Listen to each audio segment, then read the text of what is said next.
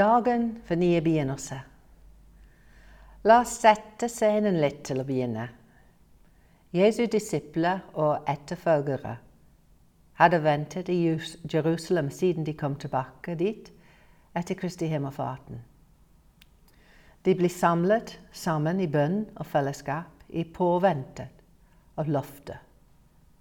Du skal bli døpt i Den hellige ånden, og du skal motta kraft når Den hellige ånden kom over deg. Og du skal være mine vitner i Jerusalem, i hele Judea og Samaria og til jordens ende. Det var nå 50 dager siden påsken og rundt ti dager siden Jesu himmelfart. Det var den jødiske festen til Shavuot, som var en feiring av første frukten av vettehøsten. Og hele byen søret sannsynligvis. Så kan vi lese fra Apostlenes gjerninger 2, Lukas, Lukas' beretning om den dagen. Da pinsedagen kom, var alle samlet på ett sted. Plutselig lød det fra himmelen som når en kraftig vind blåser, og lyden fylte hele huset hvor de satt.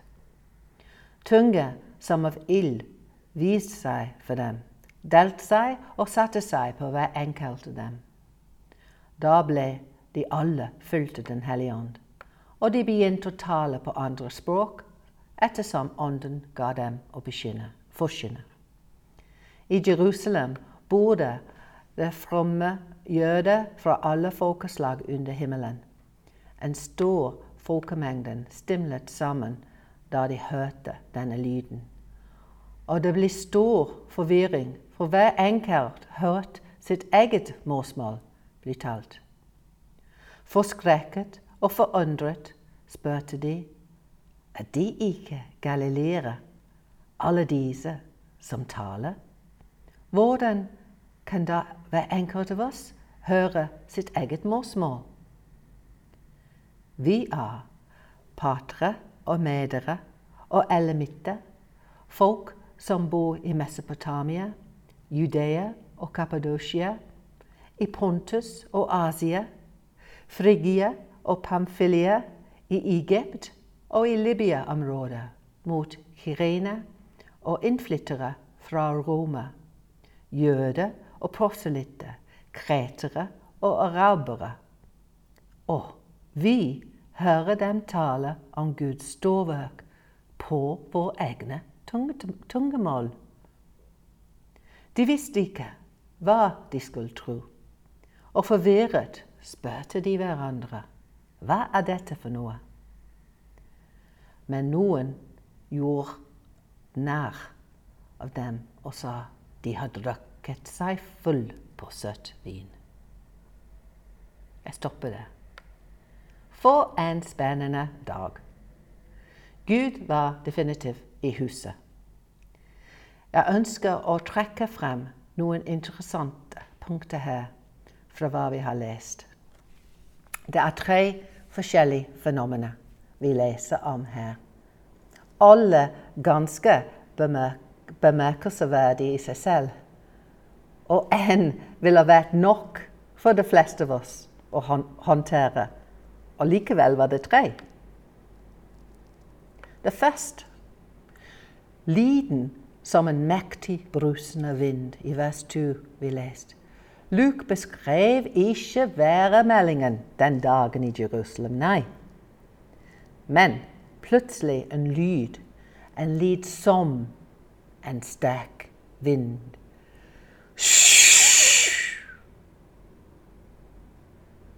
Hvorfor en vind? Men husker du Jesus sa da han møtte Nikodemus, en farisier, i Johannes Vi leser dette, Johannes 3, vers 8. Ånden blåser hvor den vil du kan høre lyden av den, men kan ikke fortelle hvor den kommer fra, eller hvor den går.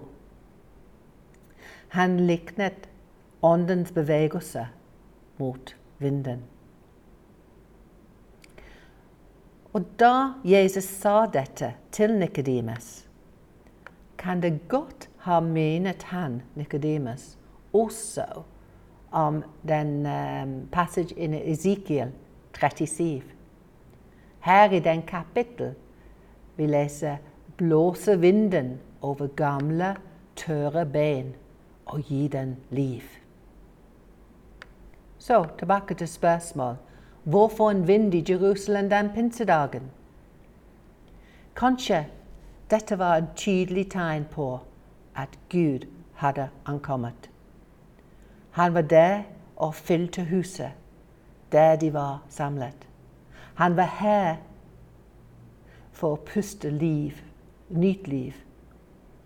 Kanskje også et profetisk tegn på at han var i ferd med å puste liv i de tørre, døde ben av religion i den byen. Så var det delt tunge som av ild. Jeg tror virkelig ikke håret deres blir brent. Vi leser ikke om noen som løper etter bøter med vann. Så hvorfor brukte Gud den symbolikken til ild den formiddagen? I dette situasjonen? Vel, vi vet at i Bibelen ble ild noen gang brukt som en symbol på Guds presence. Moses i andre Moses bok 3. Vi, hører, vi leser om denne angående den brennende busk. Og da kan den stemme 'Du står på hellig grunn'. Med andre ord oppmerksomhet. Jeg er her. Dette stedet tilhører meg. Det er hellig grunn. Var det det han vil si til de den dagen? Hva var det også som ledet Israels barn i 40 år om natten gjennom økenen? Det var en pilar av ild. Guds presence. Så Gud bruker symbolet den dagen for å erklære sin tilstedeværelse. Umiskjennelige symboler som også var kjent for det jødiske publikum. Gjenkjennelig fra sin egen historie. Symboler for Guds nærvær, liv og hellighet. Det er ingen tvil om at Gud nå hadde fått oppmerksomhet deres. Og hvis det var ikke nok, så leser vi videre i vers 4. Det blir en totale med andre språket. Det står at alle hørte på sitt eget språk. Eller egentlig dialekto og dialekt. Nå må vi forstå at disse byfolk sannsynligvis ville ha, tenkt på galileere som bygdefolk og hiks. Så dette får virkelig oppmerksomhet deres. Hva skjer? De ikke bare snakker andre språk, men de snakker våre dialekter. Vers 5. Vi også leser språk eller dialekter fra alle, alle, alle folkeslag under himmelen. Jeg vil ikke lese opp igjen listen over nasjoner som er nevnt her i den teksten. Det var vanskelig nok første gang. Nei, dette her var helt utrolig. Og jeg lurer på hvem som var mest sjokkert, egentlig. De 120 eller de som lyttet. Selv om det kanskje er, kanskje er mange synspunkter og tolkninger rundt disse versene, kan jeg fra mitt eget synspunkt være vitne til å ha opplevd å møte og motta en slik begivenhet. Bare én gang, men det etterlot en innvirkning. Mens jeg var på misjonstur med en ungdomsteam i Barcelona, Vi jobbet med en lokal menighet. Og etter å ha gjort noen gatedrama og sanger, var det på tid å blande seg med folkemengdene. Jeg satt eh, ved siden av noen jeg hadde lagt make til tidligere, så på oss og lyttet. Jeg plutselig følte meg tvunget til å ta kontakt. Og uten å tenke for mer på det, bare snudd og begynte å snakke. Vanligvis hadde vi et lokalt uh, teammedlem rundt som kunne tolke, og vi, og vi, vi ville ventet for han eller henne. Etter en kort tid kom etterteamet over. Han sto ved min side. Og da jeg sluttet å snakke, så hoppet den lokofyren inn og fortsatte å snakke med den nye vennen vår. Etterpå sa, far, sa fyren i teamet til meg eh, Visste du at du fortalte fortalt ham eller henne, jeg, jeg, kan ikke huske, alt om Jesus på katalansk Hva? Ja, de forsto det du sa, perfekt. Dette her skjedde for mange år siden. Og jeg husker det igjen nå jeg forberedte meg her. Det var en utrolig opplevelse. Og jeg kan føle noe av det samme spenningen nå. Jeg deler den igjen nå. Vi kan ikke, og vi skulle ikke, undervurdere Guds kraft og lengdene Han vil gå for å nå de tapte.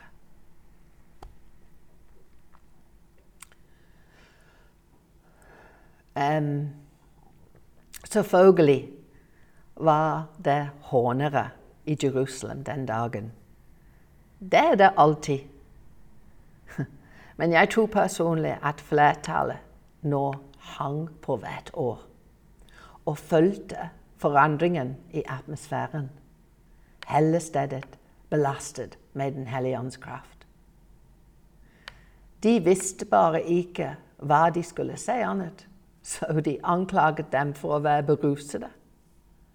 Nå, etter refleksjon Kanskje de hadde tenkt seg et litt bedre argument. Jeg mener, hvorfor skulle de være full bare klokken ni om morgenen? Eller hvem av oss noen gang har vært vitne til eller hørt om en full person som plutselig kan snakke et fremmede språk flytende? Men ja. Tåpelige ting kan komme ut av munnen vår når vi føler oss ukomfortable eller presset inn i et hjørne. Etter alt dette, alt de hadde vitnet og hørt det så lenge Det ble sikkert så stille at man kunne hørt en nål rammer nå, rammer når Peter da reiser seg. Du kan lese for seg selv videre i kapittel to og se hvordan Peter deretter delte skriftene med mengden. Han brukte Davids profetier om at Gud oppreiste Kristus fra de døde. Årene fra profeten David pleide å forankre sannheten om Jesus. Dette skjærte dem til hjertet, de som lyttet. De begynte da å spørre hva må vi gjøre for å bli frelst? Vi leser videre at rundt 3000 ble frelst den dagen. Dette her var bare begynnelsen. Men nå, nå var menigheten i multiplicationsmodus. En ny tid hadde blitt født. Det er en del av Petters tale som jeg ikke har nevnt ennå. Sannsynligvis en av de mest kjente skriftene i dette kapittel i Apostlenes gjerninger, fra vers 17. Men her skjer det som er sagt gjennom profeten Joel. I de siste dager skal det skje, sier Gud, at jeg øser ut min ånd over alle mennesker. Deres sønner og døtre skal profetere. De unge skal se syn, og de gamle skal drømme drømme. Selv over mine slaver og slavekvinner vil jeg i de dager øse ut min ånd, og de skal tale profetisk. Det er ikke så mye, så mye de detaljene i hvem som vil profetere, hvem som vil drømme og se visjoner. Men budskapet her er at alle aldre, alle nasjoner, alle kjønn, alle statuser i samfunnet er i stand til å bli, til å bli fylt med Guds ånd. Jeg tror heller ikke det var den spesifikke manifestasjonen som var Peters fokus. Siden selv den dagen beveget Ånden seg ikke på en av disse måtene skrevet her, men på en annen måte. Men poeng han kom med, var at kraften i Den hellige ånd vil virke på overnaturlig måte i oss alle. Alle vi som elsker å følge Jesus. Den siste og kanskje største utfordring jeg vil at vi skal tenke på. Husk hva pinse betyr. Høst. Høst. Husk også hva Jesus sa om løftet om Den hellige ånd fra Apostlenes gjerningen 1, vers 8. Men dere skal motta kraft når Den hellige ånd kom over dere, og dere skal være mine vitner i Jerusalem og i hele Judea og til jordens ende. Kanskje et spørsmål vi burde stille oss selv som Guds folk, er flytte Den hellige ånd blant oss for at vi skal få en opplevelse og få en sus. Og er vi som Guds folk å suge opp og holde Guds kraft innenfor vår egen fire vegger? Eller lengter vi for å komme, komme inn på høstemarkene og vitne i Den hellige ånds makt? Selvfølgelig er gavene også for å bygge opp Kristi legeme. Men vi ser ikke bort fra det faktum at Den hellige ånden blir lovet til de første disiplene at de vil være vitne. Er vi klar og tilgjengelig? Klokken tikker fortsatt siden den første pinsedagen. Vi har fortsatt i den samme tid som Joel og Petter beskrev de siste dagene.